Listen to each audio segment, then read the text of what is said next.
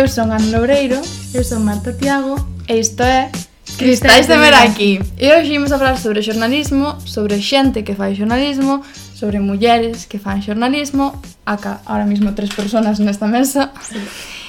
E non imos falar sobre un xornalismo de calquera tipo, porque además hoxe imos a falar de intentar entrar nos medios tradicionais, sen ter acabado a carreira e eh, sen saber moi ben cal é a nosa postura no universo eh, e no mundo. E por si se non fora suficiente, a invitada que traemos hoxe tampouco é que lle interesen uns temas moi fáciles de introducir no mundo xornalístico, porque é che ben polivalente e non só chaja con estudar unha, unha profesión precaria que ademais eh, semella que comunica dende o rural, dende a cultura, dende a cultura galega e identidade. Bueno, eu vou facer a típica introducción LinkedIn, porque informei moito sobre esta persoa.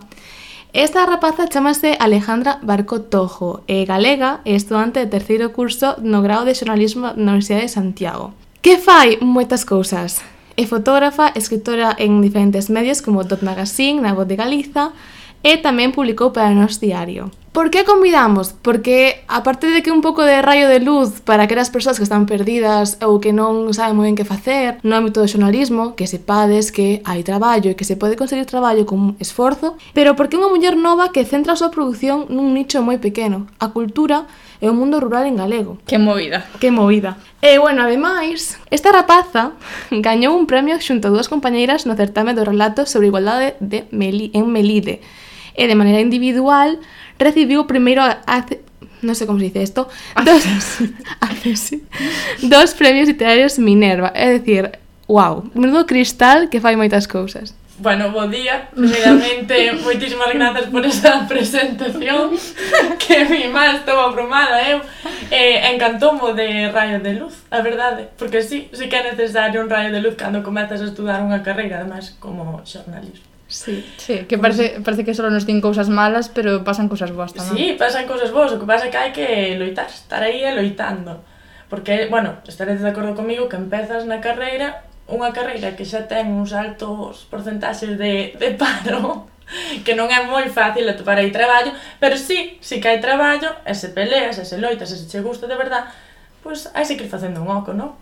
Sí, eu acordome nos primeiros días de primeiro que primeiro, o sea, xa te avisaban de que non ibas a ter traballo, mm. que ibas a sair e ibas a ter que facer o que che mandaban e, e non ter unha personalidade como xornalista. Iso baixa moito a moral. Sí, é como unha sombra que te persigue toda a carreira. Pero non é verdade, eh, o de que tens que seguir a ideoloxía dos medios para que te acerten, tampouco. Podes facer as túas cousas, obviamente, se tens que traballar nun medio. Pois claro, terás que adaptar a igual falar duns temas que non mm, te expoñan tanto. Pero sí que é certo que individualmente podemos ir facendo as nosas cousiñas sen deixar de lado o noso. E por eso te traemos porque nós estamos bastante máis negativas. Sí. Vale. E eh, bueno, empezamos coa pregunta tradicional do podcast uh -huh. que é que como estás e non podes contestar nin ben nin mal. Unha resposta máis honesta. Estou nerviosa por estar aquí, pero moi contenta. además parece un programa moi guai E, e bueno, darvos as, os parabéns que non me los din antes por este programa. Es nerviosa, ahora mismo nerviosa. Pois pues esperemos tranquilizarte un pouco. esperemos. Seguro que sí. E, e para, para eso, para empezar un poquinho máis ameno tranquilizarnos, facemos así unas cuestiones rápidas. Veña, vamos. Vale, veña. Unha red social. Instagram. Porque a vez que mm, podo publicar as fotos acompañadas dos meus nos meus relatos, porque, bueno, subo uns relatiños pequenos cando subo algunha foto, e parecenme unha boa maneira de chegar á xente moi sinxela e que podo mm, pois combinar esas dúas cousas que me gustan. Recoméndanos un libro. O meu libro favorito La voz dormida de Dulce Chacón vai sobre a guerra civil e sobre o papel das mulleres na guerra civil que aínda que non foron moitísimas as represaliadas, foron na meirande parte os homes, elas sí que foron represaliadas pero de outro, sí. Pois xa nos contarás de que outro xeito, se xa apetece. Sí, sí, sí, claro. Unha canción. Mm, moitísimas, pero... Mm, Esta sempre a pregunta que máis lle costa a pois xente. Pois sí, porque creo que temos tantas na nosa cabeza... É que eu creo que en plan a música é como moi parte persoal de nós. É como que se vamos a dicir unha, non sentimos que nos identifica o 100%. Sí, totalmente. Queremos dicir a que é a nosa. A ver, é certo, eu teño moitísima na cabeza, pero quero dicir unha pois, que me identifique ben. Eh, La Raíz é un dos meus grupos favoritos e chamase Entre E, eh, jole, xa olvidei. Porque entre poetas e presos. Entre poetas e presos, coñécela. Sí, é preciosa esa canción. Eh, dime unha persoa ou algo que te inspire. Miña abuela, creo que miña abuela. Oxalá esta entrevista teña que ser a ela, de verdad. É, é unha persona genial, e eh, sempre ten un sorriso, un sorriso, e tuvo unha vida moi difícil. Eu creo que nese sorriso van mm, grabadas todas as súas penas, pero non deixa transmitir esas penas, sempre está cun sorriso, sempre. Esa xente é admirable. Sí. É moi admirable. É, res, é unha resiliencia. Esa, que... esa xeración, sí. de verdad, para min for, foron as mellores, encántame aprender desa xeración. É un sitio? Eh, voi morto. Son moi da terra. Que prefires? Sacar fotos ou que te tomen fotos? Sacar fotos. Por que? Hai uns anos a resposta sería o contrario. Eu era moito de poñerme en frente á cámara, pero agora gustame máis estar detrás. Tes máis eh, perspectiva de todo. De antes só ves a cámara. Vale, pois pues imos a pasar coa primeira parte da entrevista, entrevista, bueno, entrevista, uh -huh. charla. Sí. Bueno, antes de comezar, igual hai que meter a intro. Sí. Dentro intro. Cristais de Meraki con Ana Loureiro e Marta Tiago, un podcast tarde, a trozos, pero con moito amor. Eu antes fixen como unha presentación moi xenérica, en plan, dixen os teus traballos e o que ti faz, de onde eres, pero se a ti te preguntan quen é Alejandra, ti que dis? Creo que esa é a pregunta máis complicada, pois son moitas cousas e a vez ninguna. Gústame facer moitísimas cousas, pero teño a sensación de que non eh, encaixo por completo en ningunha. Creo que eso nos pasa un pouquiño a todos, pode ser. Gústame empezar a, a, a saber de moitísimas cousas. Podo empezar mm, mil aficións. Eu xoguei ao fútbol, estiven en baile tradicional, e gústame todas elas, pero non sei, cústame encaixar nunha que me defina. Entonces, pois, igual unha persoa algo, mm, non sei, cambiante, pero curiosa. Eu sinto moi identificada, porque eu tamén fixen moitas cousas. demasiadas actividades, era, era unha por ano. Eu, ademais, tamén pasábame que eu empezaba, empecé fútbol e deixaba sempre aos dous anos. Pero porque non era o que me a mí me enchía. Logo empecé teatro, empecé baile, e dije, vale, por aquí es. Como que non encontrei que en todo, en todo había algo de Marta. Claro, a mí pasa un pouco o mismo, todo me dá curiosidade e todo me gusta. Entonces, pois gustaríame facer de todo, pero sei que... Mm, non dan as horas de día. Non dan as horas, non, no, non dan como ás veces definirnos por quen somos é mm. difícil eh, sí. e preferimos definirnos por que facemos.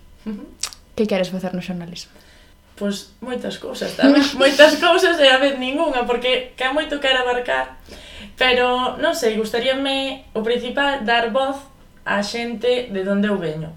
E non me refiero de boi morto, refiérome de todas esas aldeas que están a morrer porque é que a xente vaise, e a maioría da xente que está nas aldeas é maior. E hai tantas historias, pero tantas, eh, esa retranca que teñen os vellos non, non hai xa ahora mismo. E a mí gustaríame, pois, polo menos, axudar a conservala de algún xeito. Xa sea escribindo esas, mm, eses contos que se contan alrededor da lareira, porque eu acórdome, sendo pequena, na cociña dos meus abuelos que se xuntaban os veciños e a cantidad de historias interesantes que hai aí e encantaríame pois, poder recollelas, amosalas ao mundo e evitar que, que se esquezan, claro. E, e crees que eso é algo que se está facendo? Ou é algo que terías que pelexar para facer? hai intentos, hai intentos, hai moitos reportaxes sobre estas aldeas ou reportaxes sobre persoas interesantes destas aldeas. É moi difícil polo que digo, porque a xente vai morrendo, é preciso facelo canto antes, é un traballo moi duro porque non hai axudas a isto. E como chegaches a, a Facom? É dicir, como dixeches, vale, gustame escutar historias, gustame transmitilas, vou a ir pola vou ir por Santiago, vou facer ciencias da comunicación. Pois a verdade foi unha decisión que tomei no bacharelato, porque eu toda a vida quixen estudiar medicina. Toda a vida, o sea, é que non ten nada que ver. Empecé a escribir, aí en cuarto da ESO, mmm, cambio para bacharelato, empecé a escribir. Gustábame moito e sentía que eso era o meu, que era unha maneira de poder comunicar todo aquilo pois que escoitaba dos meus avós, que escoitaba a xentes do lugar. E que iso era o meu. Entón decidín apostar polo xornalismo a tope, cambiei de ciencias a letras, Eh, estou moi orgulloso de haberlo feito, verdad? Algo que tú non hiciste, tú acabaste. é que a, a iba a ser matemática, entón. Eu, a mí en serio? Sí, de feito, ten algo que ver ca seguinte pregunta, mm -hmm Pero eu creo que moita xente acaba en xornalismo a partir de empezar a escribir mm. e a partir da literatura e non a partir do xornalismo en sí, porque eso eu o que acabas de contar me mazo identificada porque eu eu, fui, eu fixen o bacharelato inteiro de ciencias e acabei aquí. E ti escribías en, bacha, en bachiller? Claro, eu non. Eu é que nunca se me dera por escribir, si, sí, algunha cousa que me mandaban na clase, pero que empecé a escribir descubrí o bonito que é mm, non sei, como transmitir todo coas verbas, sí. porque é que todo se volve fermoso se o escribes. Sí. Eh, Entón, foi cando me empezou a gustar todo isto. E como empezas a escribir? Pois mira, o primeiro relato chamase... O primeiro relato que escribín é que me publicaron, agosto do 36. Eh, con 15 anos, publicaron na Voz de Galicia e vai sobre a historia do meu avó, que a meu avó, seu pai, eh, asasinaron durante a Guerra Civil, era concelleiro republicano, e é unha historia que normalmente esa xente escondía, era como que tiña medo a contala. E meu avó, dende que eu era pequena, contaba a historia de seu pai. Entonces foi o primeiro relato que escribín, porque ademais meu abuelo tiña unha demencia, e cando comezou ca demencia eu quixen escribir esa historia, porque era do pouco que se acordaba. Entonces foi o primeiro relato. Empecé escribindo por aí. Pero eso xa é moi xornalístico. Xa é unha literatura que ten moito que ver co xornalismo. Notase que, se o lees, notase que o escribeu aínda unha nena. Porque si, sí, eu solo fixen desde a visión do meu abuelo. O que el me contou foi as palabras que eu puxen nese papel. Non era moi xornalístico, é verdad. Notase que o fixo unha nena daquelas. Pero creo que esa é a maxia dese, dese, dese relato. Límolo, por sí. cierto. Sí. sí. creo que esa é a maxia, que o, o conta unha nena, pero a vez conta unha visión algo... dunha un adulto. Claro, que é un rato moi duro de contar a través dunha nena, non te esperas sí. que unha nena conte algo así. Non, de feito... O que fale diso mesmo. De feito, tivera críticas dun xornalista que se parou a ler o meu relato. Non me acordo agora para que xornal era, era un xornal digital, que me criticou por unha nena escribir iso. Díxome que non tiña infancia. Eu creo que non ten nada que ver. Teño infancia, pero tamén teño raíces. Era o que, que quería transmitir que meu bisavó non morreu, a sangue sí que aquí. Claro. O de semente de vencer, que cantas es, pois quedou semente de vencer. Entón, ti afirmas en plan, vale, o escribe unha nera, uh -huh. pero que non agora, dende a perspectiva de Alejandro de 20 uh -huh. anos, crees que hai unha relación entre literatura e xornalismo que tes, sí. ten que haber unha cousa e ten que haber a outra, teñen que funcionar xuntas. Obviamente, de feito, eu creo que a literatura foi o que me animou a estudar xornalismo. Eu creo que non concibo esas dúas cousas por separado. É que mesmo na noticia básica sí, sí, sempre intentas contén. por unha, unha gotiña de, bueno, que sí, que ten que ser super objetivo, super pragmático, tal, pero Buscas as palabras bonitas. Esta sí, palabra pero queda moito mellor así, porque... Tamén busco, eu polo menos busco moito a sonoridade. Mm. Sí. E que, porque senón non é atractivo, e se non é atractivo, para que eu conto? Porque ninguén o vai a ler se non é atractivo. É o xeito tamén de diferenciarse, cada un ten o seu estilo de escritura, e aí vai a literatura tamén. É o xeito de diferenciarse, senón os xornalistas seríamos unhas máquinas que escriben sí. simplemente o que ocorre. Sin embargo, tamén outras formas de comunicar e outras formas de xornalismo, porque eu vin por aí unhas stories presentando cousas no Festival da Luz. sí. Eh, bueno, era, estaba presentando un grupo do que eu formaba parte, os santiagueños de Boi Morto, e pedironme se podía presentalos, como estaba estudando xornalismo, é o segundo ano que os presento. E bueno, é un xeito de facerme coñecer tamén e de ir practicando un pouco sobre os escenarios. Que, como é a sensación de presentar, que, que, que te pidan e que presentes algo así? que pensen en ti para ese momento fai moitísima ilusión. E os nervios non se sacan en todo o momento, pero pásalo xeñal. Porque é algo que, unha vez que estás ali arriba, dis, pois estou me preparando para isto, porque é o que de verdade, de verdade me gusta, e por encima con esta xente que que hai confianza, que que ao fin e ao cabo é unha familia, eh, pois ainda fai máis ilusión, claro. Pues va, sí. va, todo rodado aquí, ¿eh? ¡Qué maravilla! Vale. ¿Cómo se nota que comunica, señora esta, eh, de verdad? Como xa deixamos caer e falaches que participaches en concursos, conta como é a experiencia. Está moi ben gañar, pero antes de gañar tes que experimentar ou perder ou presentarse en sí. sí, sí como claro. é a experiencia? Pois mira, o primeiro con concurso que eu participei foi a un que era a nivel internacional. O sea, eu era enxeno de todo, pensaba que podía gañar aí a nivel internacional. Era un relatiño pequeno. Eh, e, e mandei no, ora leo e digo, vai a merda que escribín. Pero está ben, o sea, hai que equivocar, hai que saber as cousas que valen, que non valen, que todo vale, eh? E, e perdín, obviamente, non, non gañei, levei un disgusto enorme, porque a ilusión sempre a tes. Pero despois quixen prepararme máis en bachiller, pois unha profesora díxeme, por que non escribes para o concurso Minerva, que fai o peleteiro, non sei se sabedes. E bueno, eu daquela estaba vendo unha serie que iba sobre Libia, escribín O ollar de Libia. Que a verdade foi se me ocurrindo, de feito chorei escribindo porque intento poñer como moito sentimento no que escribo. E a miña sorpresa aí, pois pensei, non vou a gañar. O sea, gústame o resultado final, pero non vou a gañar nada porque hai moitísima xente que escribe É o primeiro Accessit, que non foi o primeiro premio, pero para min foi como se o fose. Teste que acostumbra tamén a perder. Non sempre se gaña. Isto recordame a miña primeira vez que escribín. Bueno, eu sempre foi, foi, foi unha nena que era como moi de... Bueno, eu quero facer xornalismo de guerra e de conflictos sociais. E eu estaba en segundo de primaria, creo que era. Eh, fora o terremoto de Haití. Mm. E eh, no meu colexo, creo que pasan todos de Galicia, que mm, na Unidade das Letras Galegas fan un concurso por colexios ou por, por comarcas. Eu, con, non sei que teria, 10 anos, 8 anos, decidín facer un relato sobre Haití e sobre a visión de Haití. E a xente en plan, cucú, porque tienes 8 años. Sí, o, o crítico do xornal sí, que dixo, eh, sí. ela ia esticar fatal. Sí, sí, sí. sí. Pola idade. Na caso de, sí, sí. levas de mm, desgraza de perder e así, vale, Esto Igual non me presento máis concursos e acabado. Non, a verdade é que non. Eu para iso sempre tiven como moito ánimo. Sempre son como... Nese caso moi positiva, porque para o resto son bastante pesimista, pero aí moi positiva.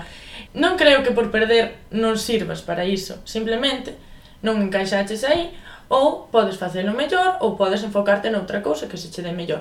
O mesmo nesta pelexa e intenta mm, por facelo o mellor que ti podes. E síntete orgullosa do teu. Se estás orgullosa do teu, os demais que digan o que queiran. A min sí que me pasa un pouco, eh? Eu tamén teño, me teño presentado algún premio, uh -huh. máis a nivel poético e tal. Sí. É como que eh, creo que dende fora En xeral as mulleres máis poñennos moita presión sí. E nós acabamos poñéndonos moita máis incluso de que xa nos poñen E ás veces os, as cousas que exteriormente se poden ver como fracasos Como que... Uf, queima un pouco. Eu creo que todos eses golpes tamén te van reforzando. É certo que no momento sinteste, pois, na merda, por dicirlo de algún xeito pero que todo te vai reforzando. E aí xoga un papel moi importante a miña abuela, porque a miña abuela sí que é certo que sempre me apoiou, e sempre que lle lía algo, chórame, sempre. Xa sea a cousa máis divertida do mundo, pero sempre chora, porque di que estou peleando polo que de verdade me gusta. Entón, eso é co que me quedo. A mí é o que me fai feliz. La, impo la opinión importante é a da abuela. Sempre, sempre.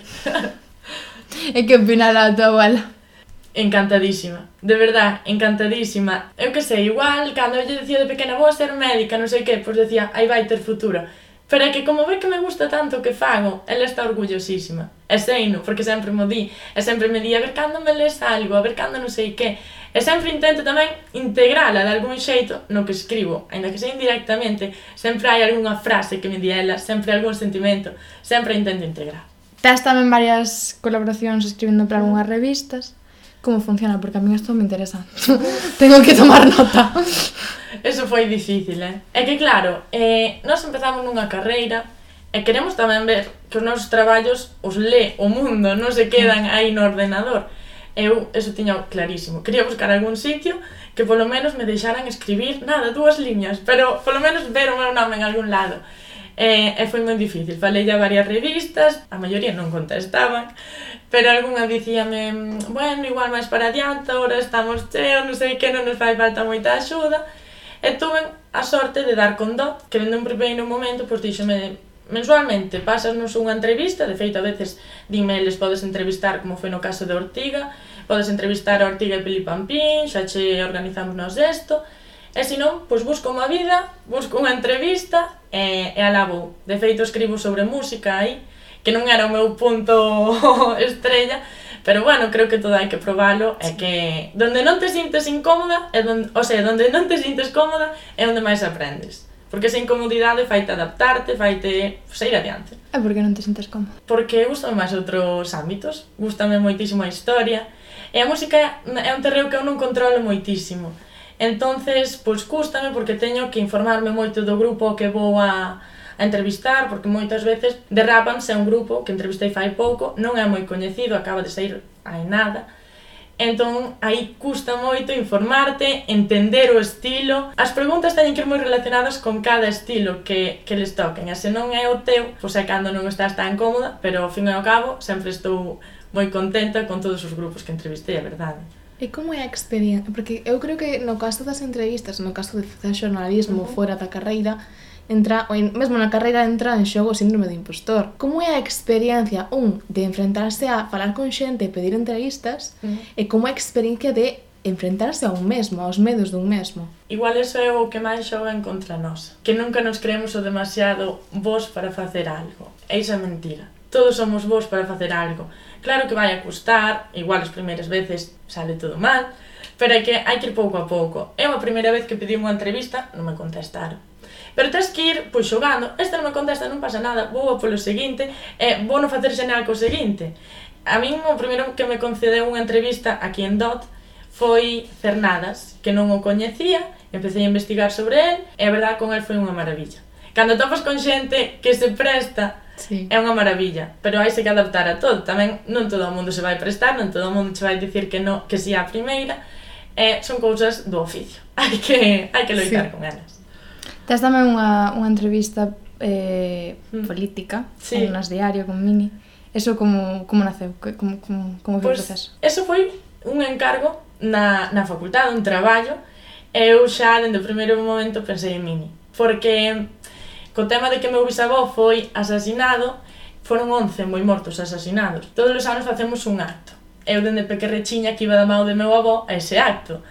E, e min estaba ali sempre presidindo, de feito foi quen, or, mm, quen sacou a luz a memoria histórica de Moimorto, foi quen empezou a preguntar, quen empezou a saber o que ocorre en Moimorto. E cando lle preguntei se podía entrevistar, ofreceuseme, dixo, sí, do que queiras.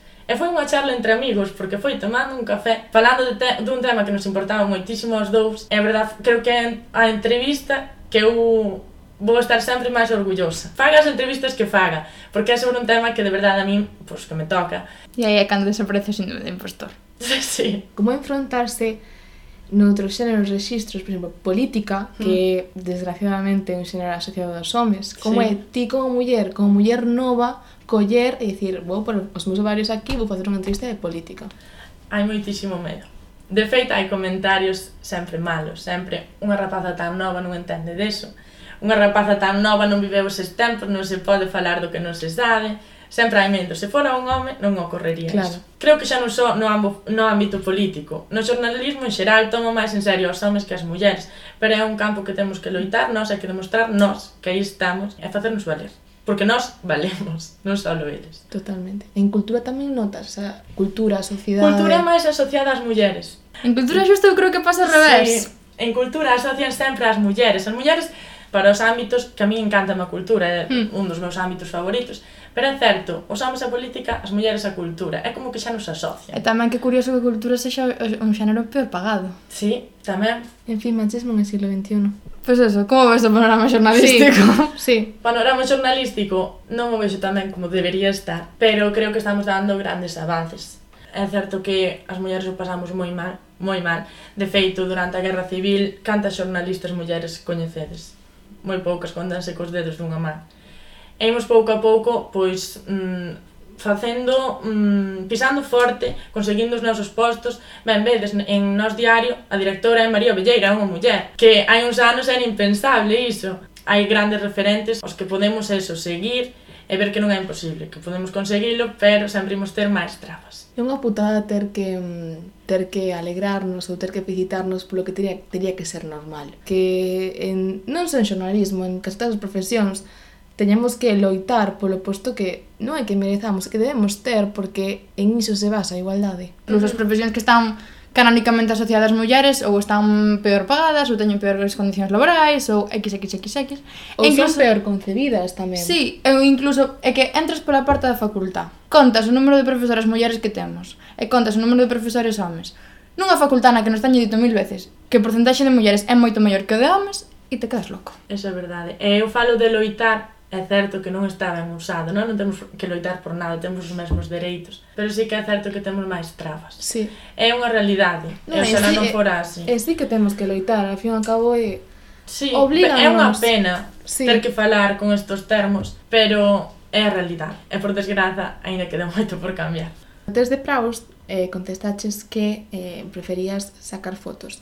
Pese a que ti antes, en plan, traballabas de modelo ou eran fotos casuais ou... Non, a verdad, eran fotos feitas por un profesional pero foi a raíz de unhas inseguridades co meu corpo que eu tiña, que creo que na adolescencia, por desgracia tamén, as mulleres estamos unidas baixo un roles que temos que ter o corpo así, así, así, e non é certo. Eu tuve moitos medos co meu corpo. E era unha rapaciña delgadiña, casi non tiña peito, eu vía as demais rapazas como moi desenvolvidas, tiña moitos complexos. Entón, a raíz de que houve unha temporada que estive pasando mal co meu corpo, Dixen, é unha tontería, todos os corpos son válidos, e a mí non me importa como sea o meu corpo nin como sea o da outra. Empecei a, a, a mostrar eu tal como era, sen medos, e, e foi cando empecé a facer fotos con profesional diante dunha cámara. Sinceramente, a min axudoume moitísimo, porque era como voume mostrar, o sea, se teño aquí un pouco de chicha, dá igual. É que é o máis normal do mundo, sabes? É certo que E o que non me gustaba desa foto é que me vía moi perfecta. E despois eu facía un selfie e non era así.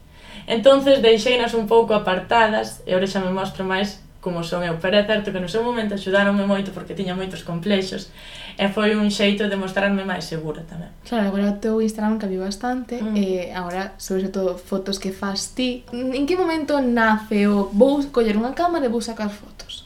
Pois, a mí o tema da fotografía sempre me gustou, pero nunca me animei, nunca me vin o demasiado boa, pero é que é unha tontería. Nunca imos ser o, de, o demasiado bons para nós.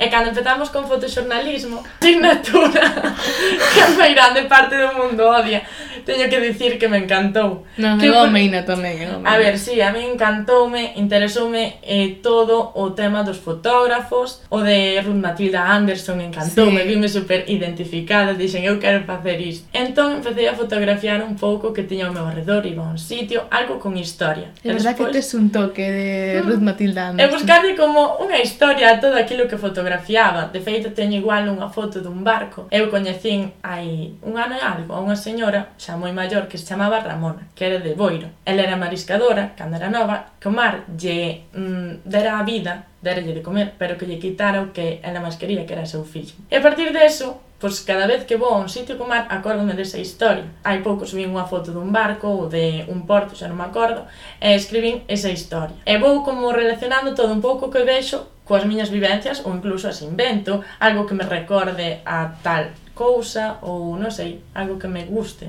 Xusto íamos a preguntar cal era a túa relación co mar, porque tes varios textos e varias fotos vinculadas ao, sí, ao mar. Sí, e de feito un dos relatos que publiquei na Voz de Galicia chamase O mar son as vaguas dos mariñeiros que navegan ou algo así. Mm. Eu relación non teño ninguna, a verdad, son do interior, do centro de Galicia, xusto do corazón pero sempre é algo que me dá moita curiosidade, porque vexo como un paralelismo con meu avó que nunca puido recuperar o corpo de seu pai, e sinto moita pena con esas mulleres, eses nenos que non poden recuperar o corpo dos seus familiares, que tamén quedan no mar. É un pouco como o cementerio dos mariñeiros. Sempre me gustou e gustaríame de feito tamén centrarme moito nas historias desa xente. E cal é a relación co, co branco e negro? Porque todas as túas fotos son en branco e negro. É certo, sí, pois non sei, é unha cousa que empecé a facer non hai moito, pero que me sinto máis identificada co branco e negro. Obviamente hai fotos en cor preciosas, pero sinto que o branco e negro que transmite moito máis, porque non te fixas na cor, fixaste no que hai na foto, no, no que pretendo mm, expresar coa foto e no que na historia que hai detrás da foto. A nosa que nos suxería era como moita nostalgia. Tamén. Sí, son unha persoa que intenta meter tamén moito sentimentalismo a todo porque aínda que parezco como parece un toxo, fago honor ao meu apelido, pero é certo que sí que me gusta o da nostalgia, encántame transmitir nostalgia, morriña. O transmites e eres unha persoa nostálxica? Moitísimo. De feito, unha das persoas as que máis quero é meu avó, que por desgraza xa non está, encántame acordarme dos paseos ao seu lado, de todas as historias que me contaba. Cando estou sola, é o que fago, remitirme a eses tempos. E, cando estou con miña avó, pois, o que facemos é tamén lembrarnos de todos eses tempos. Por iso me gusta tanto escoitar a xente, porque sempre me conta dos seus tempos máis felices. É que eu creo que é unha cuestión bastante xeneracional a volta a nostalgia, porque non son as mesmas circunstancias, evidentemente, uh -huh. pero nunha xeneración moi moi marcada pola precariedade, sí ás veces volver atrás e ver como os antepasados afrontaban estas realidades, pois é o rayito de esperanza este que falábamos ao principio. Eu creo que me apoio moitísimo niso, porque digo eu, vale, igual o que nos din, non tedes futuro, non sei que, non sei canto, como non imos ter futuro se nosos avós que traballaban a terra, que non tiñan case posibilidades, seiron adiante. Como non imos ter nos futuro? Totalmente. Entón, encantame aferrarme a iso. Eh, é o rayo de luz que le vamos repetindo durante sí. todo o programa. Eu vou salir daqui super positiva. Porque eu son desas persoas, que conste que eu son desas sí. persoas que o fotoxornalismo eh, me hundió la miseria. Pero, porque, eh, pois o que falábamos ao principio, a min fotoxornalismo xenerou moitísimas inseguridades. En serio? Moitísimas. Porque eu, eu tiraba fotos de antes, eu tiña cámara. Uh -huh. E cheguei a fotoxornalismo e foi en plan, todo o que teño non vale para nada. Pero porque a profesora xo tirar a basura non quere dicir que non fora bo. Claro. É que iso é o que pasa. Eu teño enseñado fotos e dicirme mm, esta non me gusta, esta non sei que. Pero a min gustábame, e de feito algunha subina. Entón, sabes, se che gustaba a ti, se ti che transmitía, Eu creo que é o único que precisas. É certo que para aprobar a asignatura non valía, non pasa nada. É que de feito a min pasoume que eu, bueno, todos os meus traballos, que todos os meus traballos do ano pasado baseábanse na miña boa. Tive un ictus fai dous anos e agora está vivendo con nós. Eu acordome que o primeiro traballo que fixen sobre ela, porque a min non me gustaba facer traballo sobre min. E agora pasado descubrín que me encanta falar de min. E o traballo de Photoshop o fixen, fixen sobre ela sobre, sobre a miña nai, que a miña nai é a miña maior inspiración no mundo. Eu acordome unha frase que me dixo a profesora que era e que mostras a túa, a túa abuela eh, moi enferma. Eu xa, pero que o está. Esa é a realidade. Gusta de mostrar a miña abuela como está. E como está mal para ti, bueno, pois pues para mí mi abuela está preciosa como está. Hmm. Ninguén coñece as historias que contamos mellor que nós. Claro. Exacto. Que bonito eso. Sí. Pero é moi certo. A min foi como unha, un choque de, vale, me estás afundindo un pouco, pero estou segura do que quero mostrar. Eu quero mostrar isto, quero que ver a, que vexas a esencia da miña aboa, da miña nai cuidando da miña aboa que sí que é verdade que isto que estamos falando, pois pues, é moi bonito e como tiene que ser, pero é, é difícil. Quero dicir, estamos intentando poñer a luz, pero hai que recoñecer a realidade de que o xornalismo é unha profesión complicada, no que todo isto que estamos contando está moi bien, pero eh, hai que coexistir. Exacto. Eh, eu non me vexo nun futuro traballando do que a mí me gusta, sinceramente. A mí o que me gustaría sería traballar dentro rural, e sei que non hai posibilidade Se podo compaxinar co meu traballo, faría encantada, pero sei que ningún xornal me vai a pagar por escribir as historias do rural. Se algún día chego a ser alguén, loitarei porque eso cambie e pouco a pouco eu irei facendo as miñas cousiñas. Pero é certo que dis, non, non é unha profesión sinxela e vai non ser moi duro atopar un futuro, pero es, aino e hai que seguir loitando. A min dá má rabia pensar nesa... E eu penso mm. moito nesta realidade de que igual non vou facer o que quero facer. Sinto que vou estar toda a miña vida sentirme totalmente completa. Porque non estou facendo o que quería. Porque eu quero facer dende unha perspectiva moi persoal, moi de... Quero mostrar xente pobre, quero mostrar problemas sociais. E unha de dos, me meten un tiro ou me cortan, en plan... saber que non vou poder facer eso libremente. Sí. É que nós tamén estamos nunha zona complicada, porque menos mal que quero facer cultura, pero ti meteste en tu zona a falar de narcos...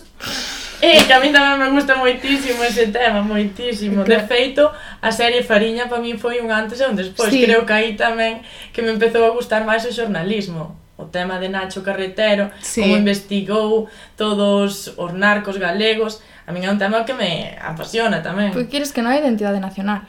Hmm. Sí, e además o feito de que picou moito o traballo de Nacho Carretero, que dir, foi silenciado, eu como, ser silenciado porque algo estás ensinando que non queren saber, e a min ese Exacto. morbo de quero que te pique porque sabes que os, fa, o que faz non está ben e eu estou mostrando, gustame, claro, na zona onde vivo eu, faise todo mal, entón... Ta tamén é verdade que eu creo que é en parte algo que, sí. que comentabas ti antes, no? que estar nunha carreira na que parece que non cho están poñendo moi sinxelo porque Pois porque che están todo o rato dicindo de que está todo fatal, eh, ides a, pagar, a acabar todos en gabinetes de comunicación, eh, a vida que vos espera no xornalismo non é a vida idílica que vos queredes, eu creo que iso aí dá ainda máis a fouteza, ainda máis ganas de reivindicar, sí. e ainda máis ganas de facer el puto reportaje de tua abuela, coño. Exactamente, sí, sí creo que é como ainda un impulso, é certo que nun principio que che van quitando os ánimos todos. Sí. Pero que paras a pensar e diste, é porque non Por que non imos conseguir isto? Non é, porque, porque me van, van a min a cortarme alas? Que non me poden censurar.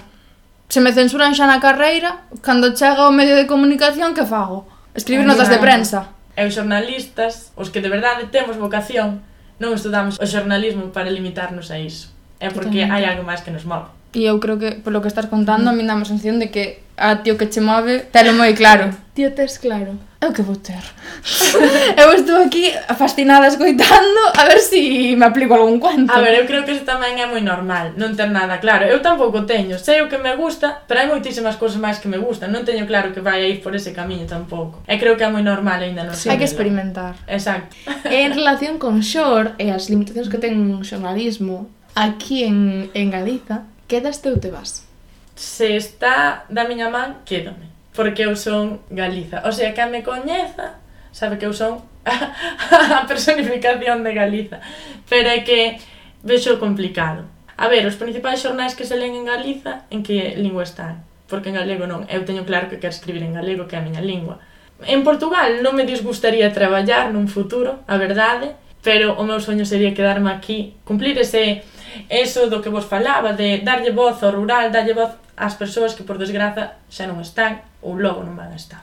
Sí, pasame que dende que cheguei a Santiago, eu antes era totalmente castelán parlante. Uh -huh. e cheguei aquí, empecé a neofalar e dime conta que realmente sempre dicía eu teño que facer xornalismo fora porque aquí non teño para facer xornalismo social. E dome conta que aquí en Galicia hai moitas cousas que contar que están mal, quero decir, moitas injustizas moita droga, moita prostitución moit, moitas, moitas historias. moitas historias de contar eu. Tamén as boas, entón o gallá poder quedar. É que se é a pena, que non creo que non creo que os galegos xa, xamos conscientes do que temos nin de todo o que se está esquecendo. Entón por iso hai importante reivindicar todo iso. Mm. Jolín, as nosas raíces, sabes, de onde vimos? Porque non non vimos de Madrid. Que eh. dicía Castelao, a vaca galega ten o mm, danlle de comer en Galiza e muxen en Madrid. Pois non, aquí en Galiza tamén queremos esa leite desa vaca. Queremos sí. contar as nosas historias. Pero parece que todos emigramos e todos emigramos ao, ao mesmo sitio. Sí. Porque eso tamén é a emigración. Sí. A emigración dentro do territorio do Estado Tamén a inmigración. Porque tamén creo que os galegos e propias institucións galegas non se dan conta do potencial que podemos ter aquí dentro. Aquí non hai unha oferta de traballo en galego, non hai unha eh, eh a oferta que hai, mmm, pois, mira, non, non me convence, quero dicir, teño que marchar a Madrid para facer o máster que quero facer ogallá poder quedarme aquí. É que ese é o problema, teño que, que irme... non temos ofertas aquí. Claro, teño que irme por obligación. Uh -huh, Pero por que? Porque as institucións non saben ver, as empresas non saben ver o potencial que hai aquí. É porque tampouco queren ver as problemáticas. Porque quero decir, non ter o máster mm, de investigación ou o máster de xornalismo cultural aquí, uh -huh. como se aquí non... É que eu quero ser xornalista cultural, pero non quero ser xornalista cultural da cultura de Madrid, quero ser da aquí. Eu creo que podemos loitar polo noso. Facer o podemos, tamén. Exacto, podemos crear aquí esas, sí. esas ofertas que vemos que non hai, por que non as creamos nós? Por que non creamos nós un medio? Porque moitos estamos ás esperas de que nos axuden. Sí. E non van vir esas axudas É, sí. é o que decías ti cos xornais. Ata que atopaches un cantos correos mandaches. Co xornalismo é o mismo. Ata que atopas o que facer, Tas que ir picando pedra. E eh, tamén parece que porque che guste o galego, porque che guste defender a cultura, xa te encaixan cunha ideoloxía xa non te aceptan en todos lados. Eso tampouco ten por que ser así. De feito, os teus relatos, algúns estaban en La Voz, que non é o que se diga o sí, xornal canónico sí. que se esperaría... Por iso. E de feito, aí foi onde me criticaron tamén dentro de La Voz, que houbera un relato de o de agosto do 36, foi o que me criticou ese xornalista. E bueno, hai que ir rompendo esas barreiras. Estigmas. Sí. Como chega que a voz diga, sí, eh, vou publicar isto, vou publicar isto en galego, ademais. Pois hai un concurso de verán que ademais eu animo a todos os que empecen a escribir a que manden aí. E seleccionaban uns cantos, e aí publicábanos na voz e despois ti podías votar. A min dábame igual, de feito non votei por mí ni nada. Eu simplemente quería que saíse na voz.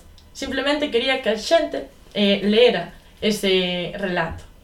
Entón, pois, funo mandando, eh, seleccionaron e publicaron, de feito, o primeiro día, O que decía eh, antes que falábamos off the record uh -huh. de que ao final pois, pues, na carreira estamos facendo como moitas cousas, moitos traballos, que moitos casos son moi chulos e que se quedan nun caixón. Exacto, porque para que nos esforzamos tanto, para que nos agobiamos tanto, para que despois total quede nun ordenador todo. E que a mí moi bonito de esforzarme é pois, que alguén mo recoñeza, que alguén poida ver o que fixen, E, e por iso eu precisaba tamén buscar algún lugar onde poder mostrarme un pouco e onde poder practicar, porque tamén aprendes. Eu, de feito, estiven en Radio Arzúa, que é unha radio local que hai en Arzúa, e estiven sen cobrar nada un mes aprendendo, ou sea, un mes non, un mes e pico, casi dous, aprendendo de todo o que podía. Pero para mí a ensinanza xa, xa foi máis que cobro. Ali estaba facendo entrevistas, andaba un pouco pois iso, facía un pouco de directora, porque a directora a veces marchaba. Serveume moito para, para mí mesma. Moitos pensan que se quedas igual non comes. A ver, é unha realidade, pero se marchas, ninguén te asegura de que vais comer tampouco. Vas ir a Madrid a facer unha cousa que non che gusta. Ali non vas a destacar. E aquí, facendo o que che gusta, pode ser que sí que mm. destaques. Entón, eu creo que o demais ou menos posibilidades é moi relativo. É que aparte eu creo que sí que estaba en un movimento de comunicación en Galicia, polo menos a nivel podcast estaba en un movimento sí, de comunicación. Sí, sí. sí que é verdad que son medios independentes, pero chegará un momento no que os medios tradicionais se darán conta de que hai unha crecente competencia en medios independentes que lles está roubando o público porque falan das cousas que a xente lle interesa. Exacto. Como te sintes na Galicia profunda? de maravilla. Creo que son a persoa máis afortunada e que non sei vos de onde sodes, se sodes de aldea ou se sodes de cidade. O sea, eu vivo en Tomiño, que é un, un concello sí, bastante sí. grande, do cual sinto-me super orgullosa de nacer ali, pero é certo que non é aldea aldea. Ten partes que son moi de aldea, uh -huh. pero está en un proceso de desenvolvemento porque é unha zona que está moi cerca de Vigo, entón sí. ten moita influencia. Entón, hai lugares, eh, parroquias que si son moi moi aldeanas, pero outras que non. E no, ca, no meu caso eu estaba no, nu, un dos núcleos urbanos, entón Xa. eu non vivín que o allá e eh, no que era enténdese como Galicia profunda. Ten as problemas das aldeas sen vivir na aldea. Claro, teño problemas da aldea no sentido de que para ir a un súper teño que coller o coche 15 minutos porque mm. non hai buses, non hai mm, facilidades para sí, poder sí. ir, pero no que é campo, pois non hai moito, porque to, son todo sí, edificios. Sí. A ver, é que eu son de Boimorto, que é un concello que non ten nin 2000 habitantes. E por encima non vivo en Boimorto mismo, vivo nunha aldea. Unha aldea que non sei cantos seremos, pero moi poucos, de verdade, e cada vez menos. E síntome tan orgullosa de poder, o sea, de nacer ali, porque aprendín cousas que estou vendo que nunha cidade non aprendes. Eu puiden escoitar as voces bellas, as voces sabias, Aquelas que si, sí, hai nas cidades, pero non é o mesmo. Ali escoitei a retranca, a retranca que xa está casi extinguida. Escoitei lendas, lendas do, do propio sitio onde vivo, contos das xentes que xa non estaban. Vivín de todo eso. E vivín dunha xente moi humilde, moi boa, porque a xente dali, a verdade, teño que dicir que os meus veciños son super bons. Vivín o, o de axudarse entre a veciñanza e vexo que aquí nas cidades non o hai. Mm. Eu non coñezo nin a veciña que vive en frente miña. Si, sí, nos a porta aquí un pouco. Que me parece, non sei, moi fermoso poder compartir iso, porque ao final somos unha familia ali. E que dentro duns anos seguramente xa non haxa quen o conte. Pero bueno, todo do que eu me lembre, de por seguro que vou deixar para que polo menos non se esqueza. Eu estou de acordo co que dis das aldeas, pero sí que é verdad que creo que a aldea depende moito se de, de, do occidente de Galicia, se sí. do centro de Galicia, se do sur de Galicia, porque eu, eu tamén son da aldea, mm. e eu sei que son da aldea de las buenas. Mire, ela é unha persoa máis. Non é tanto, pero sí que é verdad que xente nova non, mm. non queda. E eh, eu creo que hai aldeas que teñen un problema que é basicamente un problema de identidade, mm. que é que querense crer cidades. Sí. E queren facer cousas de cidade, entonces teñen comportamentos de cidade coas desventaxes da aldea, que é eso, que son mm, catro personas, que non hai transporte, e todas estas cousas que sí que se deberían cambiar para que pois para que non morreran, basicamente, porque morre a xente, morre a aldea. Exacto. Sí, e o de mm, creo que tamén temos moito complexos da aldea que queremos igual aparentar algo que non somos. Ser señoritos de ciudad. Exacto. Sí. E non entendo iso, porque hai que estar orgullosos do que un é. Sabedes o, o libro de Neira Vilas, o de Eu chamome Balbino, son un neno da aldea, como a quen di, un ninguén. Eu quero cambiar eso. Somos da aldea, pero non somos un ninguéns. O sea, temos moitas cousas. Quero dicir, queremos sí. ser os señoritos da cidade, pero non nos sale, porque no, a xente... Non somos. Da... Non somos, a xente da aldea ten unha idiosincrasia, unha forma de ver a vida moi particular e moi concreta. Pero esa é a fermosura, o, o que nos identifica, eso do que moitos se avergoñan é do que deberíamos estar orgullosos. Sí.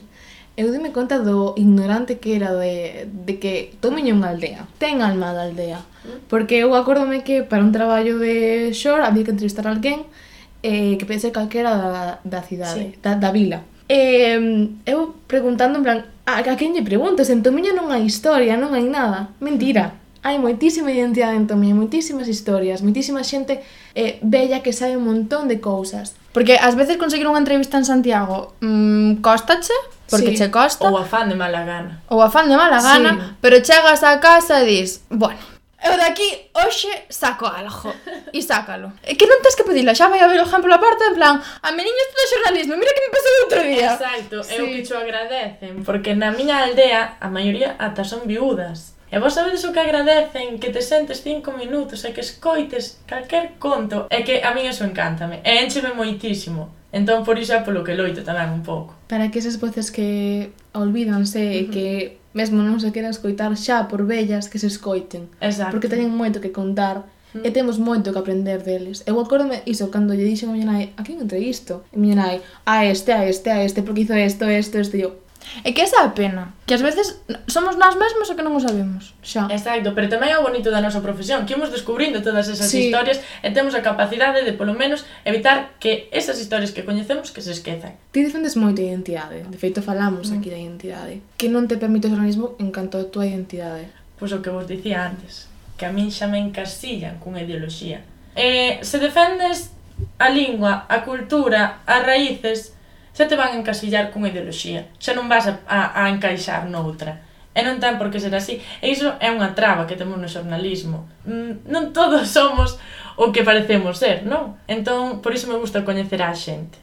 Para que de verdade me mostren como son e olvidarme da ideoloxía ou de outras cousas. Non sei se queres dar un conselliño ás futuras periodistas Pois, primeiramente, que investiguen e que rasquen un pouquiño da, na terra donde elas naceron e donde, de donde son, porque aí sempre hai historia. Xa naceron nunha cidade ou nunha aldea, sempre hai historia.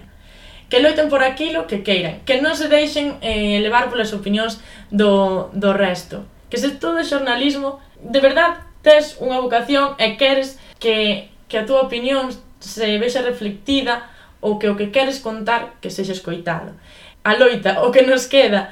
Eu quero dicir para pechar, porque eu normalmente sempre pecho sendo moi intensa, é que creo que eu como persoa que desde que chegou aquí descubriu a, o que é realmente Galiza, é vivir Galiza, que nunca é tarde para defender quen eres e nunca é tarde para defender de onde ves, e ten moi claro que Galicia é maravillosa, que o galego é maravilloso e que non o perdamos por nada nin por ninguén. O sea, que estou moi contenta.